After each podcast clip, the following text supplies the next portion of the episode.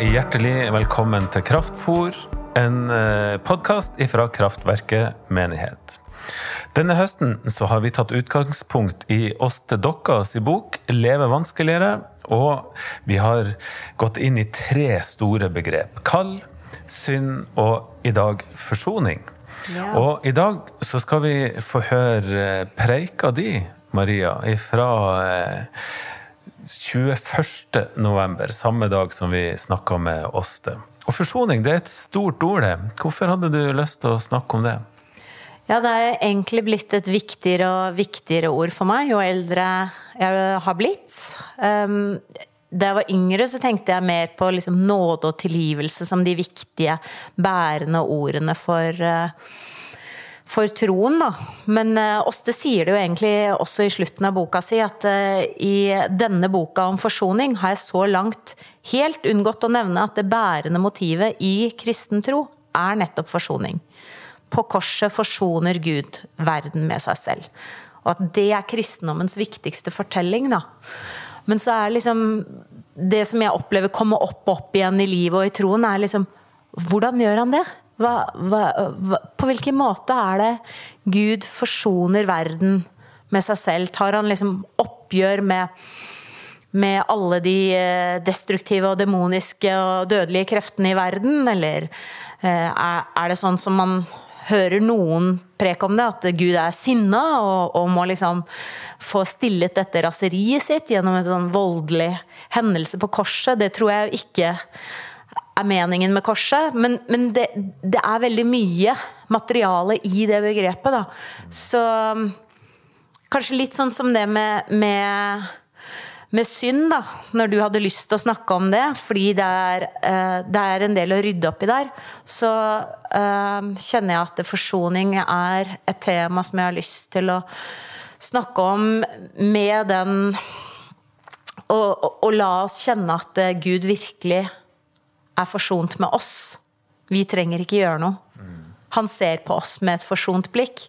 Men klarer vi å se på oss selv sånn? Er det noe av det du kommer til å snakke om i preka di? Jeg, indirekte tror jeg at det var, det var i hvert fall det jeg forsøkte. For mye av det jeg tenkte på i forkant, så er vel det litt sånn opp til uh, de som hører på. Om man opplever at uh, jeg behandler det. Du har spurt meg hver gang, eller de to forrige episodene, åssen jeg syns det gikk. Åssen syns du det gikk med denne preika da, Maria? Du, vi, vi, har jo både mye til felles, men også litt ulikheter når det kommer til forkynnelse. Og jeg eh, evaluerer meg selv både foran og bak, skulle jeg til å si, før og etter. I veldig, veldig stor grad. Eh, så jeg tror når jeg passerer 50, så skal jeg få sånn den friheten som du har litt mer på å slappe av i etterkant. At man kunne ikke gjort mer. Men jeg fikk jo faktisk litt god hjelp av deg, da, og gjør ofte det i etterkant, liksom, hvis man er litt sånn hard med seg selv, liksom. Men hvordan syns jeg det gikk? Jeg syns det var en vanskelig preken å ha, fordi at jeg kjenner meg så sterkt berørt av at det er vanskelig å tro forsoningen og leve forsont med seg selv. Og det er vanskelig det med å være menneske, at det er ting vi ikke kanskje blir helt forsont med, da. Så jeg forsøker å nærme meg det uten å ha noe klare svar. Og det gjør av og til litt vondt, syns jeg. ja. jeg, har jo hørt det, men det er grunn til å være full av forventning, tenker jeg. Det som kommer fra noe som ligger hjertet nært, og følelsene nært, og tanken nært, det det har ofte noe veldig veldig fint ved seg. Vi skal høre preika di, Maria, men før det så skal vi lese det som du valgte ut til å bli søndagens tekst fra 2. Korinterbrev, vers 17-20. Den som er i Kristus, er en ny skapning. Det gamle er borte, ja, se, det nye er blitt til. Men alt er av Gud, Han som ved Kristus forsonte oss med seg selv og ga oss forsoningens tjeneste. For det var Gud som i Kristus forsonte verden med seg selv, slik at han ikke tilregner dem deres misgjerninger, og han betrodde budskapet om forsoningen til oss. Så er vi da utsendinger for Kristus, og det er Gud selv som formaner gjennom oss. Vi ber dere på Kristi vegne, la dere forsone med Gud. Hei, dere. Jeg har gleda meg til å se dere og være her i dag. Og eh, på fredag så hadde jeg satt av ekstra god tid til å tenke på temaet vårt, forsoning, og på dere, og at vi skal være her sammen i dag. Jeg eh, skulle ta toget i to-tre timer alene på stillevogna. Jeg velger alltid stillevogna. Um, fra Drammen og uh, helt hjem til Hamar, der jeg bor av alle steder. Og så var det et par stopp på veien. Så åpner dørene seg på Lysaker. På Lysaker, dere. Der kommer det inn tre menn. De er pene i tøyet. Veldig pene i tøyet. Og det ser ut som de har en sånn lett og jovial tone, og jeg følger skikkelig godt med på dem, for jeg mistenker at disse her kan ikke koden. De kommer ikke til å være stille på stillevogna. Og hva skjer med meg og den gode stunda som jeg skulle ha alene med boka mi? Den freden og den roen som jeg hadde gleda meg til. Det var eh, faretruende. Og det viste seg å stemme denne gangen. Det er jo ikke alltid sånne antakelser er rette, men denne gangen var det det. De begynte å prate sammen. Og eh, stillevogna den er full av mennesker som fram til da har vært veldig stille. Og de setter seg rett foran meg i en sånn firergruppe, ikke sant. Og i, i, den gruppe, i, den gruppa så sitter det en dame allerede alene. Og det første tegnet som jeg tenker de burde tatt, var jo når hun reiste seg og gikk og satte seg bakerst i vogna på en pen og pyntelig måte. Ehm, men de tar ikke det hintet, og jeg har øyekontakt med en av de. Ehm, han var eh, breibeint. Breibeint type. Og, og, pen i tøyet, som, som jeg sa. Um, og snakker jo da med sånn Ikke veldig høy stemme, men det er utrolig hvor høyt det høres når ingen andre sier et eneste ord. ikke sant? Og det bare skjærer inn i hodet mitt, og jeg må legge boka, godboka, til side. Um, som jeg holdt på å lese. Og jeg klarer ikke å samle tankene mine, og det koker av irritasjon. Og så sier jeg eh, Dere vet at dere har satt dere på stillevogna? Ikke sant? Og så blir det sånn kleint taust. Og to av de rasler litt nervøst med tingene sine og sier ikke et ord. Stoppa midt i en setning eller noe. Og han jeg har øyekontakt med, ser på meg. Han ser ikke blid ut. Men han ser ikke veldig sur ut heller. Så plukker jeg opp boka, leser, koser meg, slapper av. Og så går det to stopp, så begynner de å snakke igjen. Og han ser rett på meg, og han bare snakker. Jeg, jeg blir bare så sint. Jeg er sikker på at han gjør det for å provosere meg. For han, han er jo breibeint. Så det må, det må, være en fyr som liksom virkelig vil irritere meg. Og nå lurer jeg liksom på Skal jeg bli sånn hun krangledama? Det er jo ikke så mange som kjenner meg her. Forhåpentligvis ingen i kraftverket som sitter her.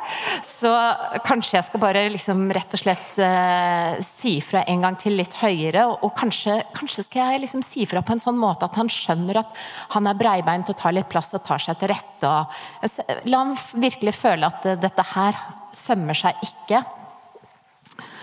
Eh, men jeg tenker meg om to ganger, som jeg prøver å gjøre. Men jeg blir veldig, veldig provosert. Og så eh, tenker jeg at jeg går en tur og ser hva som skjer. Går litt fram og tilbake i vogna. Utover. og Tenker kanskje en konduktør vil ta tak i saken. Og så kommer jeg tilbake og setter meg, og da har faktisk de to som ble litt skamfulle og tause veldig fort, de har gått. Og den som sitter igjen, det er han mannen og han har ikke noen å prate med. Og um, så sitter jeg der og ser på han og tenker liksom Dette er både behagelig og ubehagelig, fordi nå har jeg i hvert fall fått det sånn som jeg ville. Men det er også litt ubehagelig, fordi det var bare et vell av uforsonlige og vonde tanker som gikk gjennom hodet mitt. Og nå som det er stille, blir jeg litt konfrontert med det. Og det gjorde at jeg virkelig fikk noe å tenke på med temaet vårt i dag. For han fyren her og jeg, vi har gått hvert til vårt, ser hverandre kanskje aldri igjen. Og har helt sikkert vært ute i mye større og uforsonlige konflikter enn akkurat den der. Men det minte meg om at det temaet som vi har i dag, det er fullt av spenninger. Og derfor gruer jeg meg også litt til i dag. For vi har tatt fram tre gamle ord i kraftverket de siste søndagene. Tre ord som ikke triller så lett av tungen i dagligtale. Det er synd, og det er kall, som spiller stor rolle i kirka, i troen, i Bibelen. Og Kjetil har talt om synd og kall. Og vi fant disse ordene i Åste Dokka sin bok, som Ragnhild nevnte. 'Leve vanskeligere'. Den har vi allerede anbefalt dere å lese. Og ikke minst er vi glad for at hun kommer hit eh, senere i dag. Men dagens tema som vi har fiska ut, altså, er forsoning. Og den teksten som Jana leste for oss, den slutter med oppfordringen 'La dere forsone med Gud'. Det skriver Paulus til en menighet i en by som het Korint. Og gjør du et enkelt søk på bibel.no, så vil du finne at forsoning, eller verbet 'forsone', som det kommer av, det er ikke så veldig, veldig vanlig. Det er tre-fire ganger det er nevnt i brevene i Nytestamentet. De brevene som ble skrevet og sendt til de aller første troende. For at de skulle finne ut av sine lokale utfordringer og problemer i menighetene men også for å prøve å finne ord på denne nye troen. Dette nye i troen på Gud. At Gud selv hadde vist seg i et menneske. I mannen fra Nasaret, som mange kalte han. Og han hadde ikke bare vist seg litt. Nei, han var faktisk Jesus fra Nasaret, med Gud selv.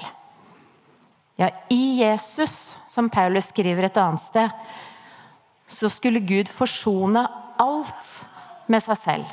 Det som er på jorden, det som er på himmelen. Og på korset, med sitt eget blod, skriver han også, der skulle han skape fred og forsoning. Altså Forsoningsordet brukes noen få ganger i et ganske sånn høystemt ordlag, og man må ta litt pusten for å la det synke inn. Jeg syns at ordet forsoning lukter litt som kongen av Danmark. De dropsene som farmor hadde. De var skikkelig gode. Jeg var veldig glad i dem, men jeg kjøpte dem nesten aldri selv. Men jeg foretrakk alltid disse gode dropsene. Det er et ord som minner om ordet soning, om sonoffer, som vi finner i Gamle testamentet så skyld og gjeld som må betales. Oppgjør. Men så er det også et ord som kanskje minner litt om tilbakeblikk. Eller får meg til å tenke på tilbakeblikk. Altså, man kan si at noe har fått et forsonende lys over seg, eller at en person har forsonende trekk. Og sånn er det jo egentlig med brevene òg. De ser tilbake på det som skjedde i Jesu liv, og så prøver de å beskrive det, og så er det det Jesus gjør med livet sitt, det er forsonende. Sånn tilbakeblikk, det driver også hovedpersonen i den boka som jeg hadde veldig lyst til å lese på togturen. Det er en bok som jeg er så glad i at jeg har snakka om den i en preken før, allerede i høst. Og den handler om Asle. Kunstmaleren som Jon Fosse har skrevet fram i det verket som kalles Septologien. Asle står og ser på to streker som han har malt. De krysser hverandre på midten. Det utgjør et kors. Malingen renner nedover og den blandes i krysset der. Den ene streken, Den er farget brunt, og den andre den er lilla. Det minner om på en måte det trivielle og det hellige. Det er en sånn jordbunnen, alminnelig linje i det brune. Og så er det en linje som faktisk har en sånn liturgisk kirkelig karakter. Den er lilla, den symboliserer advent, håp, noe hellig. Han står og ser på disse to linjene og ser tilbake på livet sitt. Han klarer ikke å finne fred med alt han ser.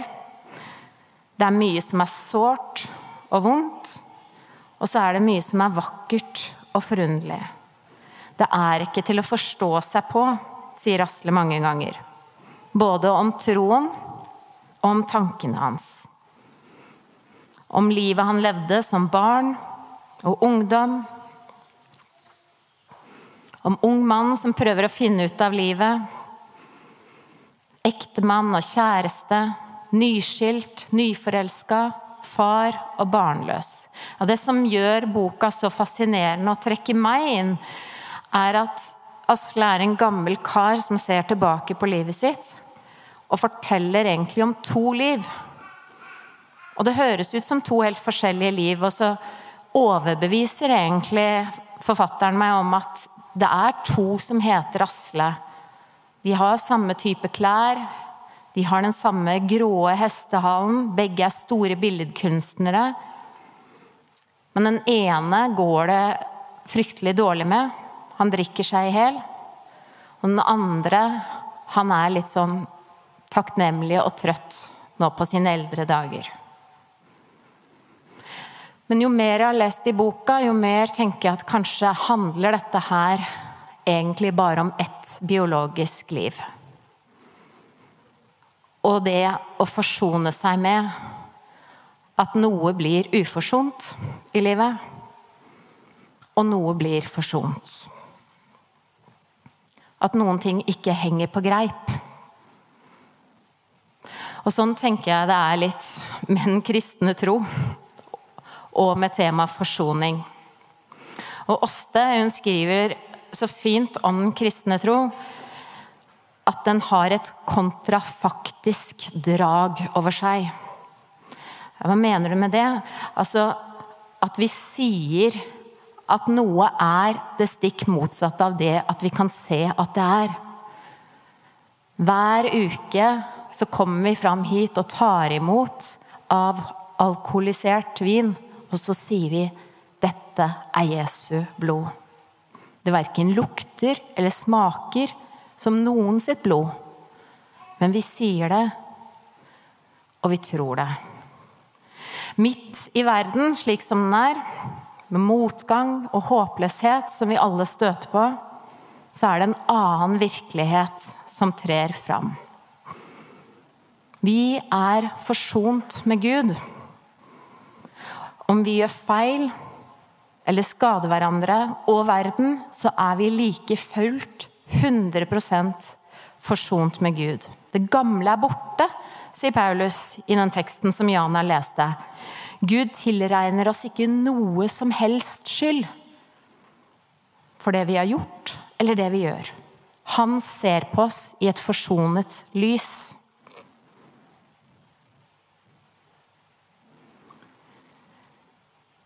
det er komplekst å ta inn over seg. For de fleste av oss erfarer og kjenner at det er ikke så lett å se på seg selv med et forsont lys alltid. Men derfor har vi i kirka og i troen flere hjelpemiddel til å gripe den sannheten som kirka og Jesus forkynner. At Gud ser på oss med forsonende øyne. Tar imot oss akkurat som vi er. At vi er ett med Han. Og en av de fineste fortellingene, syns jeg, i evangeliene, som vi ikke har lest fra i dag, da, siden vi har lest fra brevene, det er fra de dagene, eller dagen kanskje, rett etter Jesus hadde dødd. Så er det to menn som går seg en lang tur. De er på vei bort fra Jerusalem og på vei til Emmaus. Det er omtrent en god dagsmarsj. De går på en støvete jordvei. De er opprørte og fortvilte. Men det er en sånn sorg og et tap som de bearbeider med å være i bevegelse og i full prat. De er liksom ikke sånn tause og tunge, da. Og mens de går der og prater, så dukker denne mannen opp ved deres side. Som blir en helt makeløs samtalepartner. Og de kan ikke forstå at han ikke vet hva de snakker om. Jesus fra Nasaret, som ble drept, og vi som hadde håpet at han skulle redde Israel. Og mens de går på veien, så går denne mannen sammen med dem og forklarer de skriftene alt det de ikke har forstått, og kaster lys på ting. Og de har det bare så utrolig fint sammen med han at når det kommer til slutten av kvelden, så sier de åh, du må ikke gå fra oss. Bli hos oss. Bli hos oss. Og han blir med inn. Og de setter seg ned. Og da skjer det noe underlig. Noe forunderlig som skjer hver uke her i kirka, og som skal skje igjen i dag. Og det er at et brød brytes, og at Jesus viser seg for de menneskene som sitter her. De to mennene gjenkjenner plutselig Jesus når han bryter brødet. Når han takker, når han deler det ut og velsigner maten. Da ser de at han som var midt iblant oss, hele veien, det er han vi har savna. Da ble øynene deres åpnet, og så kjente de han igjen. Men så ble han usynlig for dem. Og sånn er det egentlig å leve med troen og forsoningen. Vi kan gripe det, ta det, takke for det, og så kan den glippe. Og så kommer vi hit jevnlig i håp om å få gripe det igjen.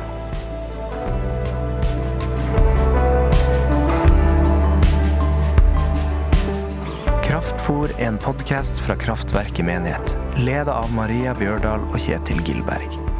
Lydtekniker i dag har vært Ruben Oma, og Kraftverket har gudstjenester klokka 17 hver søndag på Bislett og hvis du ønsker å støtte innspillinga av Kraftfôr økonomisk, så kan du vippse til 10393.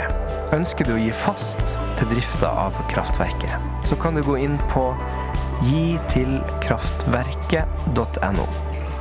Abonner gjerne på Kraftfôr, og tips andre om podkasten.